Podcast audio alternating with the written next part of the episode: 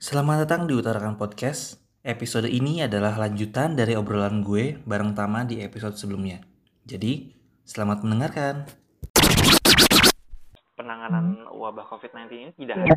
tidak hanya masalah kesehatan, tidak hanya masalah kebijakan, tapi masalah sosial juga dalam artian Iya betul Bagaimana- banget. bagaimana eh, masyarakat kita tuh eh, sadar, Maksudnya sadar bahwa eh, ini tuh wabah yang memang kita Hmm. kita semua tidak tidak menginginkan wabah ini terjadi, terus juga bagaimana eh, peran aktif dari masyarakat juga karena eh, yang tadi lo bilang kan eh, yang namanya apa intervensi sosial itu kan ya Hmm. nggak cuma dari pemerintahnya tapi juga masyarakat Iya. juga harus punya andil nih jadi semua Iya, semua pihak harus punya semua lini peran ya. aktif iya betul Iya, jadi nggak cuma makro doang, tapi harus skala mikro juga nih, nah Intervensi itu dia.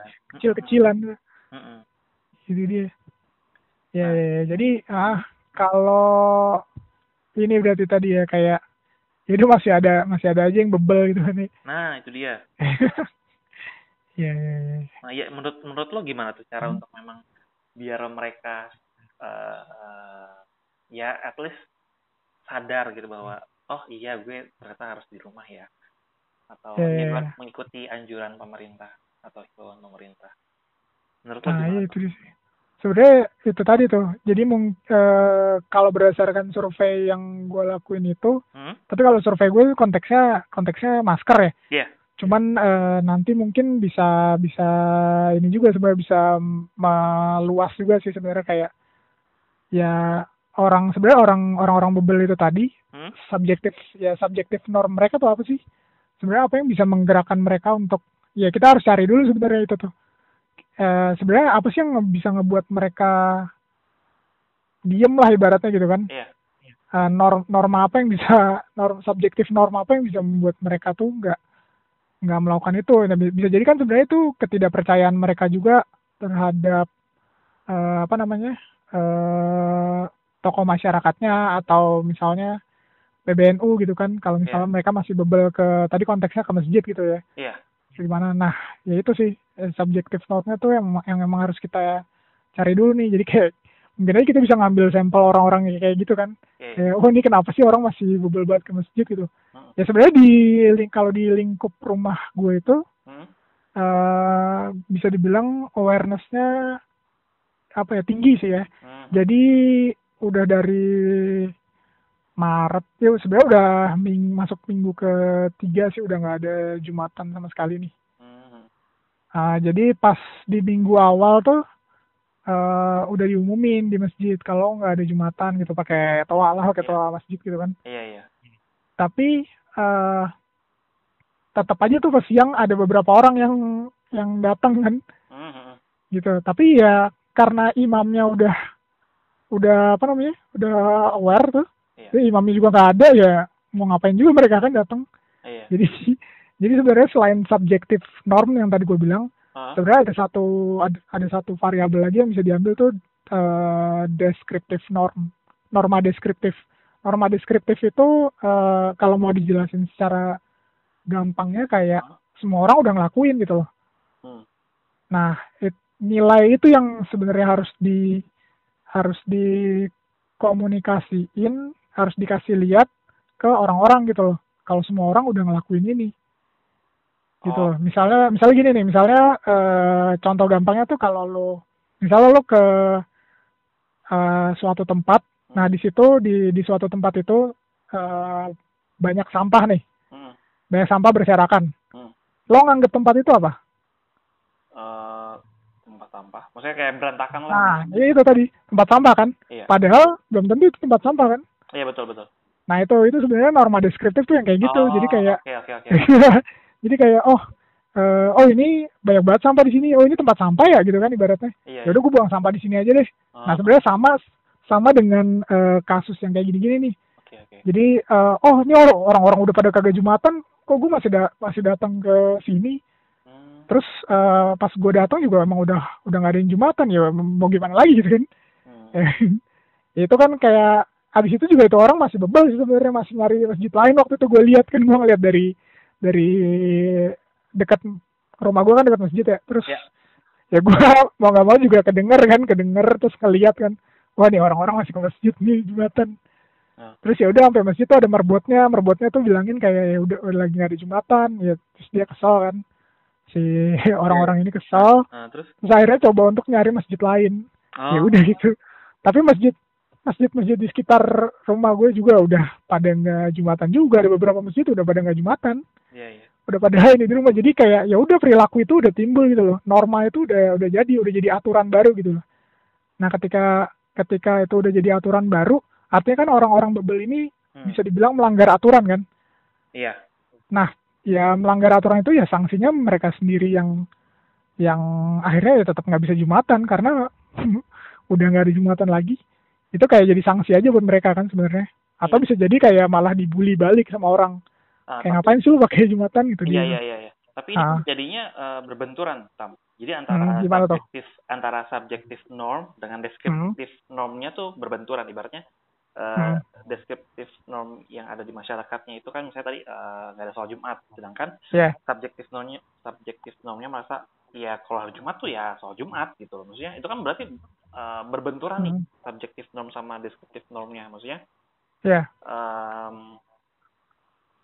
apa namanya Oh, sedangkan ya. misalnya meskipun nih maksudnya eh, udah ada himbauan nah gue nggak ngerti sih maksudnya himbauan-himbauan Hmm. yang misalnya kan yang gue kalau gue pribadi lihat sih maksudnya eh, kayak eh, eh, Pak Kiai Quraisy Shihab juga udah ngasih anjuran eh Hmm. udah ngasih tahu lah kalau nggak salah lewat eh, wel- lewat media lah we- lewat Hmm. eh, Instagram atau YouTube gue lupa terus juga kemudian sama waktu hari apa gitu di Kompas TV atau di gue lupa pokoknya di di TV itu juga Iya. eh, kayak di Terakhir Syirat eh, selaku ketua PBNU juga udah ngasih tahu kan alasannya kenapa nggak ada sholat Jumat Iya, iya. atau misalnya ah, eh, nggak ada nggak ada sholat tarawih dan lain sebagainya maksudnya eh, orang-orang maksudnya tokoh masyarakat yang memang em, di apa ya dihormati sudah sudah hmm. memberikan imbauan ya itu gitu untuk maksudnya nggak ah betul betul. Ya eh, maksudnya Hmm. gimana nih? Eh, ini kan yang tadi gue bilang eh, terjadi eh, subjektif norm sama deskriptif normnya itu berbenturan. Hmm. nah maksudnya kira-kira maksudnya dan sedangkan tokoh-tokoh masyarakat sudah memberikan himbauan juga tapi ya yang tadi gue bilang kan masih bubble maksudnya iya ketika dia eh, deskriptif normnya udah ada eh, Hmm. tapi subjektif normnya tuh kayak ibaratnya masih ya dia tuh kayak masih kekeh masih bebel lah, Iya. masih ha, ha, dia ha. yakini sama yang apa yang dia eh, pahami gitu itu gimana tuh maksudnya solusinya solusinya menurut lo solusinya. Kalau tapi kalau menurut gue sih justru si subjective norm dan descriptive norm ini kayak saling saling berkaitan sih ibaratnya gini ya. Kalau balik lagi kayak subjective norm tadi kan sebenarnya kayak eh ya sosok lah, sosok atau tokoh yang mereka percaya Hmm? jadi bisa ya atau influencer mereka sih sebenarnya ininya bahasa mudahnya iya iya influencer mereka yang bikin mereka juga eh, punya nilai untuk ya udah nggak jumatan dulu gitu kan nggak Hmm. jumatan dulu nggak apa-apa untuk eh, pas di pas lagi masa-masa pandemi kayak gini lah. Hmm, nah justru ketika dia masih bebel dengan itu hmm. eh, terus dia tetap datang ke masjid. Nah masjid inilah yang jadi deskriptif normnya. Jadi karena masjid ini udah nggak ada ya dia mau ngapain lagi gitu kan. Hmm. jadi ibaratnya kayak layer selanjutnya sih. Hmm. kayak oh gue tetap bebel nih gue atau gue nggak gue nggak percaya lah sama yang diomongin sama Iya. ustadz gue gue gue pengen tetap beribadah nih gue pengen tetap eh, ke masjid Jum- jumatan. Nah terus pas sampai pas sampai di masjid ya itu deskriptor deskriptif normnya jalan di situ sebenarnya kayak Hmm. orang-orang juga udah nggak ada yang jumatan lu ngapain lagi lu gitu kan Hmm. itu jadi sebenarnya jadi memberikan nilai tambahan sih buat si buat beliefnya orang ini buat Oh. beliefnya dia kalau orang-orang juga udah mulai nggak jumatan kok nah kalau dia kalau dia masih bebel juga itu Iya. yang perlu kita itu yang perlu kita iniin sih yang perlu kita kulik justru Ah, perlu kita kulik belief beliefnya lebih lanjut gitu sebenarnya apa sih yang membuat lo takut untuk eh, apa sih namanya? Eh, takut untuk meninggalkan jumatan dalam kondisi kayak gini gitu loh. Iya iya. Itu itu dia sih. Jadi kayak mungkin nanti ada subjektif yang lain sebenarnya kan? Iya jadi subjektif ah, jadi yang ibarat lain yang muncul ah, Ah, jadi ah, jadi maksud gue kayak jatuhnya adalah eh, Hmm. ini kan udah jadinya individual ya. Jadi Iya. eh, Hmm. apa namanya individual dalam artian pasti setiap orang tuh beda-beda lah ibaratnya uh, subjektif normnya dan Iya, kalaupun sama iya betul. hanya beberapa orang. Jadi ibaratnya kalau memang uh, ibaratnya intervensi sosial ini untuk Ya. uh, membatasi pergerakan orang ini itu ya Mhm. memang perlu apa ya? Perlu kerja keras dalam artian kalau uh, memang ada gue gue belum tahu sih apa apakah ada Hmm. peneliti yang memang sudah melakukan ini. Ibaratnya untuk membantu kan sebenarnya uh, tidak hanya tenaga medis ya maksudnya uh, para peneliti Iya. pun ya khususnya kayak misalnya yang yang ya entah uh, orang-orang dari psikologi atau misalnya kayak lo nih, misalnya ada orang-orang yang memang mem- menekuni bidang intervensi sosial uh, Hmm. bisa untuk terjun dan misalnya melakukan uh, riset dan kira-kira oh kira-kira ini nih yang mungkin cara yang bisa membuat eh, cara yang efektif untuk mm, apa ya membatasi pergerakan orang gitu Pergerakan. gitu Hmm. dengan dengan ibaratnya jadi kayak clustering apa ya kayak clustering behavior gitu loh maksud gue oh Iya. kalau orang-orang kayak gini eh treat eh, intervensinya seperti ini kalau orang-orang dengan eh, Nah, iya sih. Ah, ah. gue kan berarti kan harus ada riset dong maksudnya harus ada riset Iya betul. Itu harus juga. ada riset yang memang ya gue nggak tahu sih harusnya ya mm, kita juga nggak bisa harus ngandelin pemerintah sih maksud gue Ah, Iya. ada entah itu lembaga riset eh, dari masyarakat atau atau dari kampus yang memang bisa membantu untuk ya turun tangan untuk eh, membantu untuk apa ya membatasi pergerakan orang-orang ini orang atau warga yang masih belum bisa eh, Iya sih. berdiam diri di rumah. Kalau kalau mungkin kalau misalnya orang-orang yang memang uh, pekerja harian yang memang tidak bisa diam di rumah itu menurut gue wajar ya. Maksudnya Mhm. uh, pasti memang uh, kayak misalnya uh, Ojek ya, ojek online lah. ya ojek online terus misalnya um, yang kerja di rumah sakit, kemudian yang kerja di apa namanya di pusat perbelanjaan uh, kayak misalnya uh, pembelanjaan barang-barang kebutuhan sehari-hari kayak gitu kan memang itu dia tuh. mau nggak mau Hmm. emang harus keluar gitu ya kan Hmm. jadi kalau maksud gue orang-orang yang memang uh, yang yang nggak penting-penting banget gitu ya yang maksudnya Hmm. masih ter- termasuk masih banyak gitu ya kan jadi perlu ya, ya mungkin uh, ya kesimpulan dari obrolan kita kali ini ya mungkin ya harapannya ada ada ya mungkin ada yang yang maksud gue yang lo lakukan dengan survei masker itu menurut gue itu ya bisa jadi langkah awal sih menurut gue untuk ya, Ya sebenarnya Hmm? kalau eh gue apa mau nambahin dikit sih kan kalau tadi kita sebenarnya eh ag- agak belok sedikit jadi bicarain si masjid kan. Nah kalau masjid mung ya mungkin ya kayak gue lihat nggak tahu ya kalau gue sih merasakan kayak si masjid ini udah cukup udah apa ya untuk udah masa udah udah oke lah masa intervensi gitu. Hmm. jadi kayak ya mungkin ya tetap ada ininya lah tetap ada miss-missnya kayak orang yang masih bebel atau apa. Tapi paling enggak eh, sekian persen tuh udah eh, udah oke untuk tidak jumatan gitu loh. Karena karena masjid agungnya sendiri masjid istiqlal kan udah nggak ngadain jumatan kan yang meski ya meskipun awal-awal tuh masih tetap jadi sholat zuhur gitu kan Iya dan dan Iya. kalau kalau kalau yang di Bandung tuh kalau nggak salah Itu kocak sih. Bandung ya yang dipasang iya iya. pan eh spanduk atau apa itu itu maksud gue yang ya kan lagi keadaan kayak gini ya maksud gue. Hmm. kena ya nggak harus dipaksakan untuk sholat Jumat dan maksud gue orang-orang ini kan kayak melabeli wah apa namanya uh, malah kafir jadi lah, iya zolim lah gitu iya kan? Ya maksudnya mereka Iya, iya. menggunakan mereka menggunakan dalil. Misalnya oh, iya. tiga kali nggak sholat Jumat kafir. Ya Iya. kan konteksnya berbeda. Maksud gue kalau gue kan iya. Jadi Ya, jadi- sebenarnya hmm, sebenarnya dalil dalil yang mereka gunakan juga hilang konteksnya gitu kan. Nah itu dia. Apa ya maksud eh, yang apa ya yang gue lihat tuh di sini ada kemampuan orang-orang untuk eh kemampuan Iya, iya. nalarnya kali ya. Maksud dalam artian dalam melihat konteks misalnya dalam yang namanya suatu dalil atau ini pasti ada Hmm. konteksnya dong Eh, betul. kenapa uh, dalil ini keluar konteksnya seperti apa. Cuma kan iya. lagi pemahaman. Jadi mentang-mentang ada dalil ini oh, dipakai di semua konteks lah nah itu dia. Nah Padahal nggak bisa. hmm, ya berarti itu sih. nah. eh, ya ya sorry sorry. Nah sama itu tadi ya apa ba- bahas kalau balik ke bahas soal intervensi hmm? ya paling paling kan kalau dari segi masyarakat ya kayak Hmm.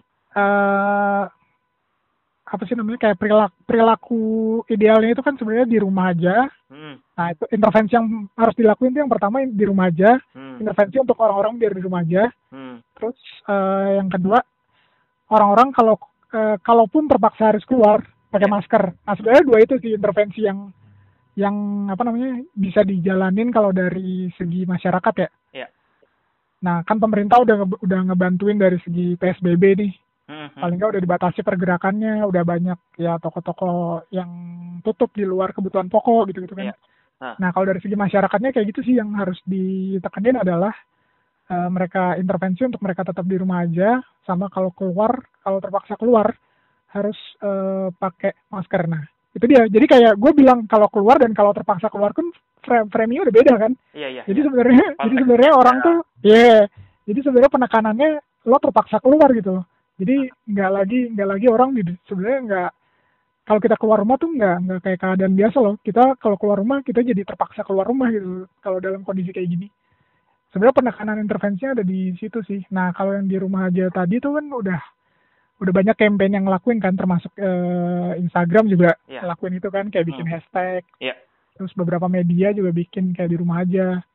Hmm. Tuh, kalau keluar rumah ya pakai masker atau jaga jarak eh dan jaga jarak gitu. Hmm. Kalau terpaksa keluar. Paling intervensinya di situ sih sebenarnya. Sama balik ke tadi survei gue sebenarnya ada satu aspek yang ketinggalan sih. Oh apa tuh? Perasaan muda untuk melakukan perilaku tersebut. Oh. Nah, perasaan muda inilah yang eh, sebenarnya lagi kalau tadi gue konteksnya kan masker ya. Iya. Itu yang lagi di eh, gencerin sebenarnya. Jadi sekarang tuh ada juga gerakan masker kain tuh kalau nggak salah tuh di Hmm. di apa namanya di inisiasi sama staf susnya presiden Oh. ya gue, gue lupa namanya yang yang foundernya Sabang Merauke dulu yang Oh. jadi staf khusus presiden yang muda-muda itu loh staf Iya, milenial iya. itu Iya, Nah, iya. salah satunya jadi emang dia juga bikin gerakan masker kain itu nah Mhm. itu intervensinya ada pertama itu eh, mempermudah mempermudah orang-orang nih masyarakat untuk membuat maskernya sendiri Oke. Nah, yang kedua eh, mempermudah orang-orang untuk mendistribusikan masker itu. Hmm. Jadi, eh, nah itu terus yang ketiga mempermudah orang-orang untuk eh, apa namanya mendapatkan eh, nilai eh atau fakta-fakta yang jelas nih terkait si masker kain. Jadi biar nggak ada misinformasi lagi. Nah, di situ sih intervensi yang lagi gue coba untuk lakuin juga bukan intervensinya ya. Jadi kayak eh, risetnya lah sebenarnya. Oh iya iya. Ya, Ya, tapi ya. ri- risetnya riset ah, riset mandiri sih sebenarnya. Ntar Iya, ya Ah, maksudnya efektif dengan dengan intervensi. Ya benar-benar. Ah, jadi kalau tadi kita ngelihat eh, kalau kita zoom out ke intervensi yang lumayan besarnya kan eh, pertama di rumah aja, Hmm. terus kedua kalau terpaksa keluar eh, pakai masker kain dan jaga jarak. Nah yang lagi gue coba ambil adalah si pakai masker kainnya ini kalau terpaksa keluar rumah. Hmm. Nah di situ yang lagi gue coba telaah lah dari dari dari lingkup oh, orang-orang tuh gimana. Ntar kan ke klasifikasi lagi tuh eh, yang keluar rumah tuh siapa aja misalnya Ya. orang-orang yang udah WFH tapi terpaksa harus beli kebutuhan pokok tuh satu. Hmm. Terus kedua eh, pekerja-pekerja yang emang nggak bisa di rumah nih. Iya. Iya kayak ojol tadi kan gitu-gitu Iya. macam. Nah ya udah gitu. Jadi kayak intervensinya di seputar itu aja. Oke, eh, Hmm. terakhir Tam. Nah tadi kan lo bilang eh masalah intervensi kan ada di rumah aja yang ya yang udah kita alami kan ini kita udah di rumah ibaratnya di, eh, di rumah aja ya mungkin bisa dibilang sekitar sebulan lah ya. Hmm. Nah pasti kan ada rasa jenuh ya maksud gue meskipun Hmm. eh, ada ada challenge Iya, iya. ini challenge itu bla bla bla Iya. ibaratnya kan itu Iya, iya. maksudnya eh ya berkaitan dengan eh, gadget pakai gadget dan karena Hmm. eh, frekuensinya udah sering pasti kan ya gue nggak tahu ya mungkin beberapa orang akan ngerasa jenuh dan kayak ih gue mau Mhm. keluar gitu kayak yang maksudnya eh, iya, maksudnya iya. nah itu tuh gimana tuh maksudnya untuk untuk eh, apa ya mem, bukan bukan meredam lah ya untuk at least supaya maksud gue jangan sampai eh, karena kelamaan di rumah orang-orang jadi kayak yang ya eh, jadi stres jadi yang Ya. apa sih yang jadi nggak luasa ngerasa ngerasa di penjara dan Iya. eh, ya meskipun sudah ada misalnya orang-orang udah coba berusaha untuk buat eh, campaign bermacam-macam di sosial media cuma kan pasti pasti ada titik jenuh dan ah ini lagi kayak ah, Iya.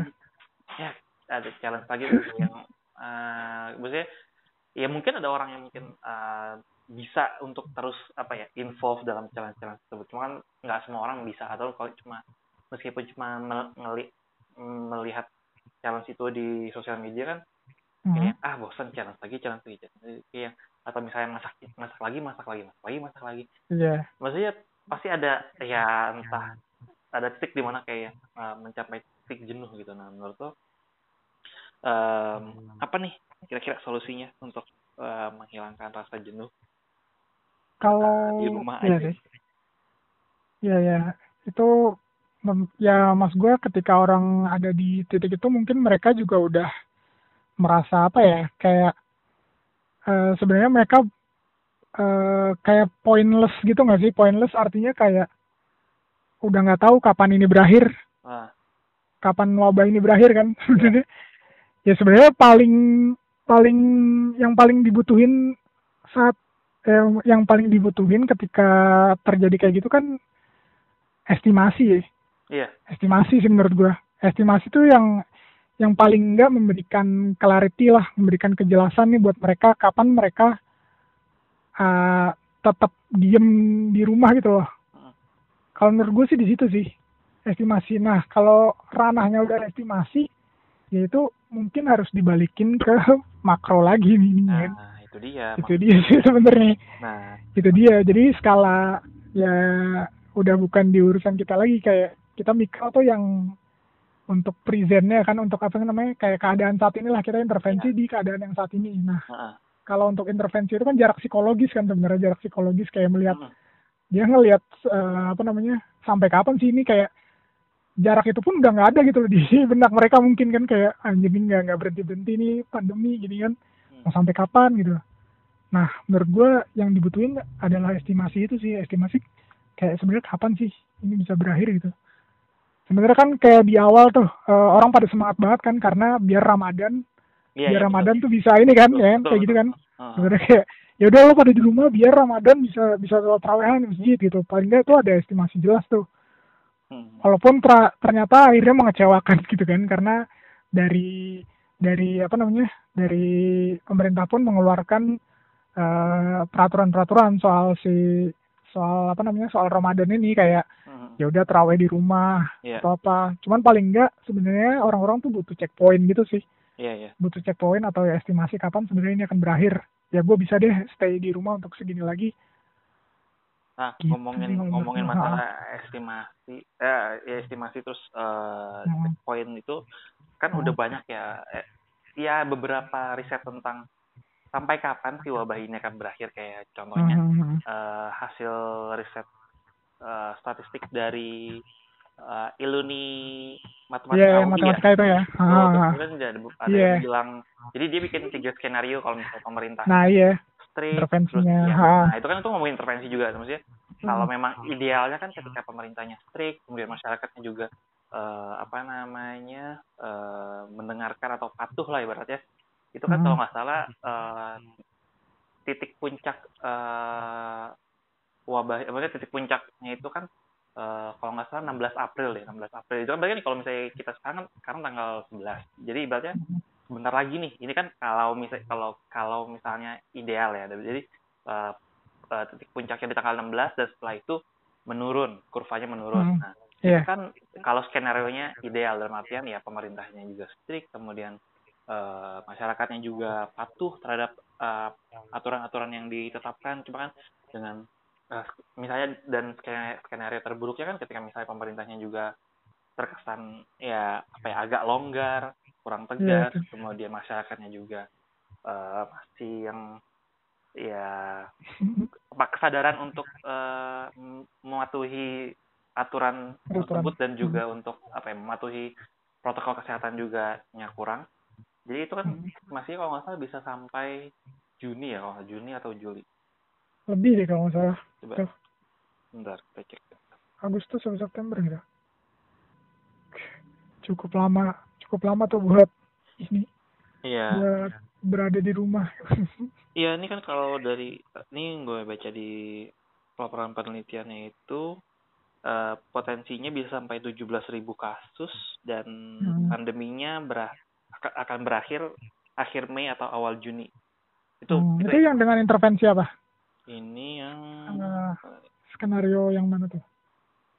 bentar. ini yang skenario Kayaknya yang tengah ya. bentar, bentar. Kayaknya yang mild deh. Kalau nggak Iya, salah iya, sih. iya. Yang mana tahu itulah. Karena ya kalau makin parah kan ka- eh, bisa bisa lebih panjang. Nah itu dia. Iya, makanya maksudnya Ah, eh gue kurang tahu sih maksudnya apakah yang kayak banyak eh, meme yang tersebar maksudnya ya orang-orang tuh harus percaya sama saintis gitu bukan sama apa sama omongan-omongan yang gak jelas gitu maksudnya ini hasil riset udah banyak tapi kok maksud Iya. gue harusnya kan orang lebih percaya ini gitu nah baik lagi tuh kayak yang subjektif norm maksudnya ya apa yang dia Iya, percaya sih. itu loh yang Iya. maksud gue yang perlu digali eh, perlu di perlu diintervensi sih kalau menurut gue jadi orang-orang ketika sudah ada penelitian segala macam eh, untuk memberitahukan bahwa eh, ya ini akan akan segera selesai loh kalau kita gini gini gini maksudnya ini kan risetnya sudah Iya. ada prediksi segala macam maksud gue ya berarti kan masyarakatnya nih tinggal Mhm. bagaimana menyikapi hal ini gitu Iya itu dia sih. Jadi mungkin itu bisa dipadu-padankan dengan yang yang apa sih namanya eh, intervensi tadi segala skala makro dan mikro itu. nah Jadi ya udah pemerintah eh, misalnya ngadain PSBB, terus eh, apa namanya saintis atau eh, saintis secara umum tuh kayak membuat prediksi kan ibaratnya prediksi prediksi eh, kapan wabah ini berakhir gitu kan. Hmm. Terus eh, ya udah eh, dari masyarakat ya itu tadi kayak di rumah dan kalau keluar pakai masker. Intervensinya kayak gitu sih pembagiannya mungkin. oke Itu dia tuh. Hmm. Iya iya. Oke, Gitu. em, ya, gue rasa eh, ya intinya adalah eh, kayak semua pihak, ya baik itu pemerintah juga harus cepat tanggap dalam mengatasi wabah Iya sih. ini, kemudian juga ya masyarakatnya juga harus eh, turut aktif gitu. Iya karena harus ya dua arah sih ibaratnya. Iya, Nggak dua bisa. arah gitu ya. Iya, nggak bisa. dua arah. Ya kondisinya ibaratnya kondisinya mungkin nggak memung yang nggak memungkinkan untuk untuk bisa satu arah gitu loh. Iya, Satu iya. arah tuh opsi lockdown total kan sebenarnya. Mm, mm. Kayaknya nggak memungkinkan jadi ya harus banyak lini yang terlibat. Iya betul dan dan maksudnya dan maksud gue eh berat kayak ada ada urgensi untuk ya ada riset-riset yang seperti ini ya maksud gue yang eh, bagaimana untuk eh, intervensi sosial yang Ya, ya intinya eh, yang mampu untuk membantu apa ya untuk me- membantu masyarakat juga bisa awareness-nya terhadap eh, penyebaran virus Iya. ini kemudian juga eh, protokol kesehatannya seperti apa itu juga kan perlu eh, perlu lebih banyak lagi sih. Lebih supaya banyak orang eh, lebih sadar untuk eh, menjaga apa namanya ya menjaga jarak kemudian juga eh, untuk ya, mengurangi aktivitas di luar rumah gitu ya Oke. protective behavior lah. iya Jaga betul Heeh, perlindungan kayak eh, protective behavior ya awareness protective ah. Iya iya. oke eh gue rasa itu itu dulu tam Eh, Hmm. thank you banget untuk obrolannya seru jadi gue juga jadi tahu ada ternyata ya ada tentang subjective norm terus yang descriptive Iya, norm itu ya teori teori of plant behavior sih itu kayak Iya. apa sih namanya? Kayak teori teori psikologi sosial yang hmm. Cukup ya udah tua lah. Itu tua dari Azen nama ininya Azen. oh I check Azen nama nama apa namanya? eh penemunya lah waktu itu. Ya emang banyak dipakai untuk untuk melihat niat orang untuk berperilaku tertentu gitu. iya iya iya. Iya. Itu oke eh, thank you tam buat waktunya ya semoga Ya. sehat-sehat terus di sana Amin. dan semuanya sih supaya ya kita berdoa supaya ya wabah ini ya. segera berlalu ya supaya Amin. bisa kumpul-kumpul lagi. Terima kasih untuk yang sudah mendengarkan. Sampai jumpa di episode berikutnya.